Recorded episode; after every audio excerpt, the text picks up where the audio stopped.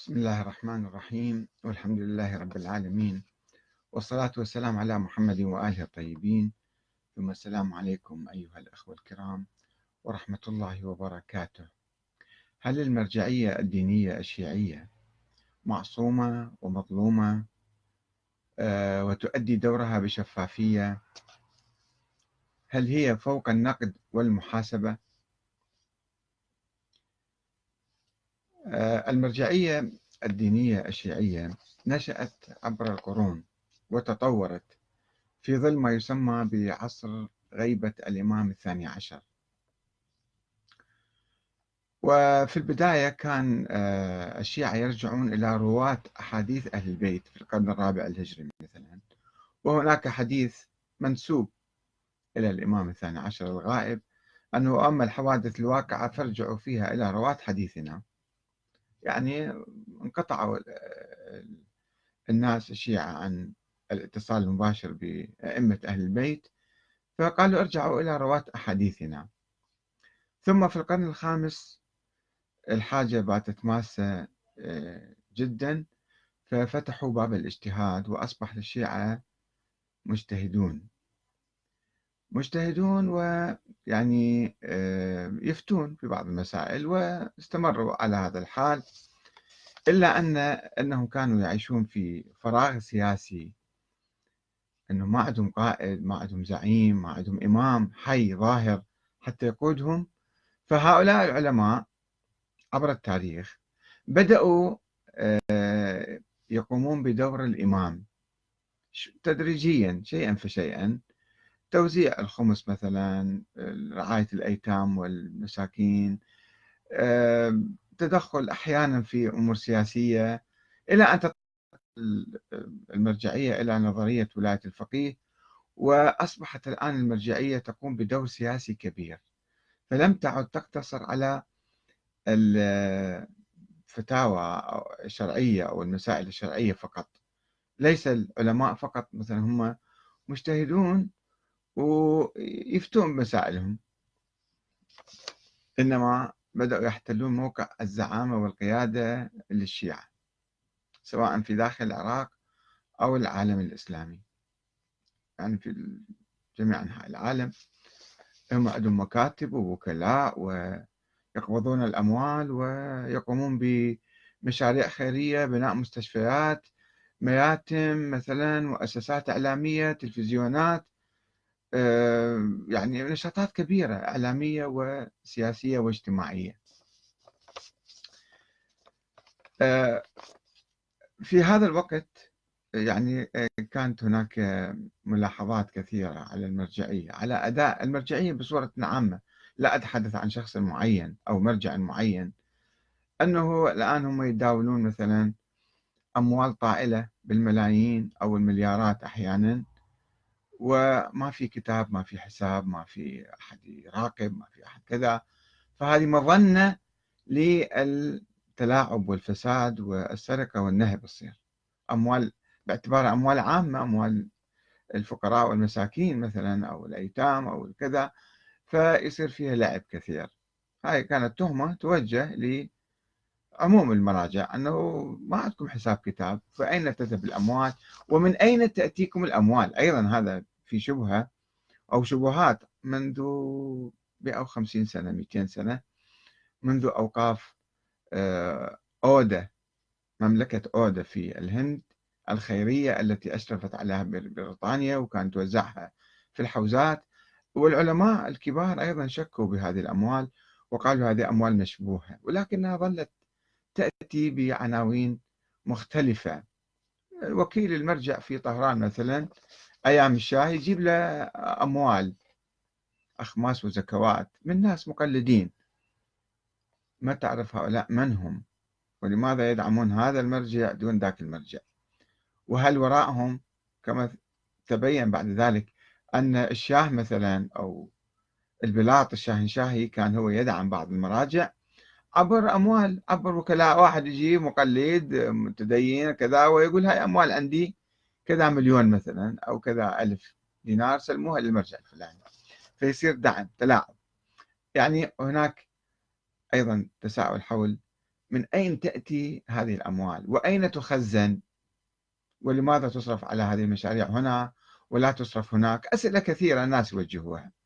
ولكن الأسئلة الأكبر كانت حول المواقف السياسية. لماذا مثلا المرجع الفلاني لا يتخذ موقفا من الثورة الإيرانية مثلا أيام زمان.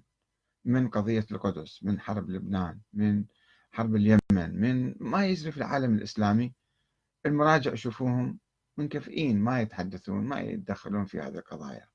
بعضهم طبعا وبعضهم يدخل.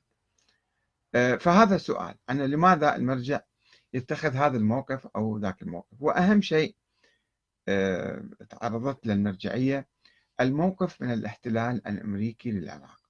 بعض المراجع أفتوا بوجوب الجهاد والجهاد الدفاعي ومقاومة المحتل. وحتى آه، السيد السيستاني والمراجع البقية الكبار في النجف أفتوا أثناء الاحتلال آه، أنه يجب وأذيعت فتواهم من التلفزيون العراقي أيام صدام حسين. السيد عدنان البكاء قرأ الفتوى مالتهم. بعد ذلك خيم صمت رهيب على كثير من المراجع. صارت مقاومة في النجف السيد مقتدى الصدر قاوم المحتلين وغيرهم في مختلف أنحاء العراق. مقاومات فردية ومنظمات بعدين صارت وحركات مقاومة. هذا صحيح ولكن المرجعية العليا أو الكبار كانوا صامتين. وأتذكر سنة 2004 استدعاني آه، رئيس قناة المستقلة محمد الهاشمي وقال تعال إلى القناة وهناك خبر مهم جدا. وعندما ذهبت أذاع الخبر أنه المراجع الأربعة اجتمعوا أيام الصراع آه، والقتال في النجف بين القوات قوات الاحتلال وقوات آه، جيش المهدي. وأن المراجع الأربعة أصدروا فتوى بحرمة المقاومة بحرمة محاربة الاحتلال. أنا استغربت ورحت بحثت في المواقع شفت هناك إنكار ونفي. لا في اجتماع ولا في هكذا فتوى. وتكلمت وفاجأت رئيس التحرير المستقلة بأن أنت معلوماتك خاطئة. آه، ظلت الاتهامات يعني تسري من هنا وهناك أن المرجعية قابضة مثلا 200 مليون. مرجعية السيد السيستاني اتهامات وأن رامسفيلد قال كذلك قال كذا وكتب في مذكراته. بعدين تبين أخبار صحفية. أخبار صحفية مفبركة غير موثقة والمسؤولين الأمريكان نفوا ذلك أيضا. آه، تدخل المرجعية في الانتخابات تشكيل القوائم أيضا كان هناك كلام. آه، القائمة الأولى اللي هي 169 أعتقد بصورة واضحة المرجعية دعمتها. ولكن القوائم الأخرى 555 وغيرها المرجعية مو معلوم كان موقفها شنو مو بصراحة. في أخبار سرية بعض الوكلاء كانوا يشيعون يؤيدون هذه المرج... القائمة أو تلك أو بعض المراجع كانوا يؤيد بعض المراجع لا يؤيد. فكان كان كلام حول تدخل المرجعية في السياسة أو في الانتخابات أو في آه مثلا اللي ما ينتخب هذا مرت عليه حرام وكذا هكذا فتاوى وشيعت. وكان الناس يسألون أنه هذه صحيحة ولا خطأ. ومدة طويلة الآن أكثر من 15 عاما مضت على الاحتلال. هناك إشاعات كثيرة طالت المرجعية وتساؤلات وأسئلة كثيرة حقيقة. بعضها بريء وبعضها قد يكون منحاز أو حاقد أو كذا. قبل أيام أصدر أحد المواقع القريبة من المرجعية لا أقول التابع ما أدري. آه، فيديو يجيب على بعض الأسئلة ويفند بعض الاتهامات. كان الناس يطلبون من المرجعية أن تباشر هي تتحدث وتتحاور وتأخذ وتعطي وتنفي وتثبت وكذا. يعني يكون عندها جهاز إعلامي الصحيفه مثلا معينة. فمكتب إعلامي كان عندهم مكتب إعلامي في بيروت حامد الخفاف. في البداية ولكنه سكت بعد ذلك. المفروض أن واحد يتابع الإعلام ويعطي الرأي الصحيح الصحيح الثابت لهذه المرجعية أو تلك. مع الأسف الشديد هذا ما موجود. و آه، مثلا شوفوا آه، أحد الأخوة مرجعية السيد الشيخ الفاط هذا الشيخ اليعقوبي. في أخ يبدو هو مسؤول إعلامي أو شيء بمرجعية السيد. اسمه أمجد نصر الله. الشيخ اليعقوبي مسوي شيء جديد يعني في السنة أعتقد هو حسنة الله أعلم حسنة ولا سيئة أنه شهر كامل تقريبا من صار مدة طويلة يعني من أيام وأسابيع وبعدين بعد ما جاي المناسبة بعدها أيضا في بعد أسبوعين ليتحضرون وبصورة مستمرة يجرون تشييع للسيدة فاطمة الزهراء.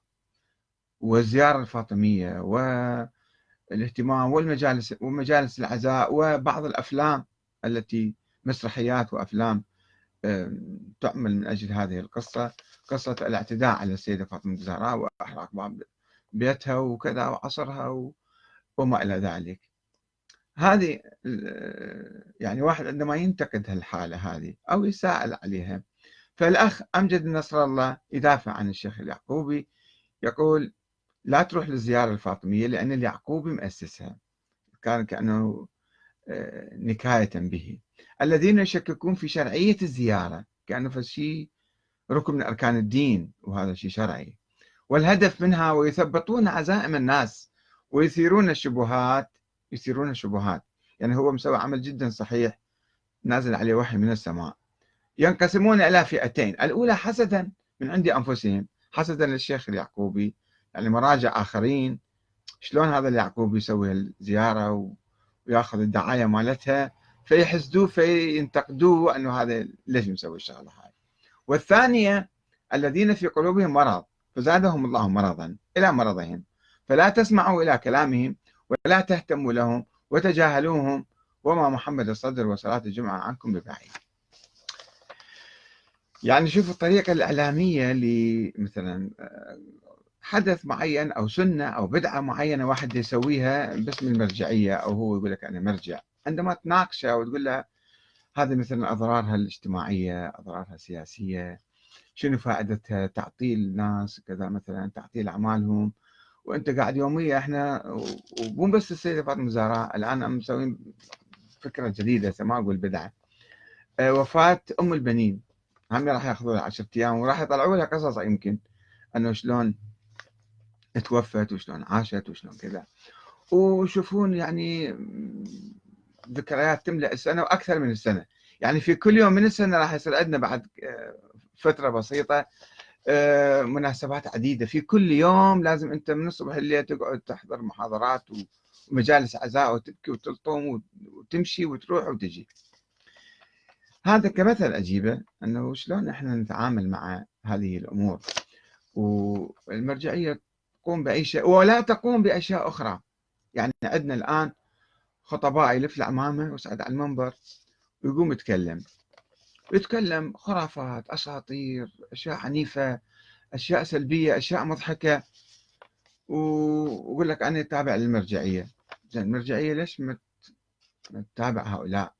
ليش ما تحد من عندهم؟ أشو إذا مثلا مسيرة المسيره الأربعينية إذا واحد رفع لافتة أو هتف هتاف مرجعية تهتم وتعتقلهم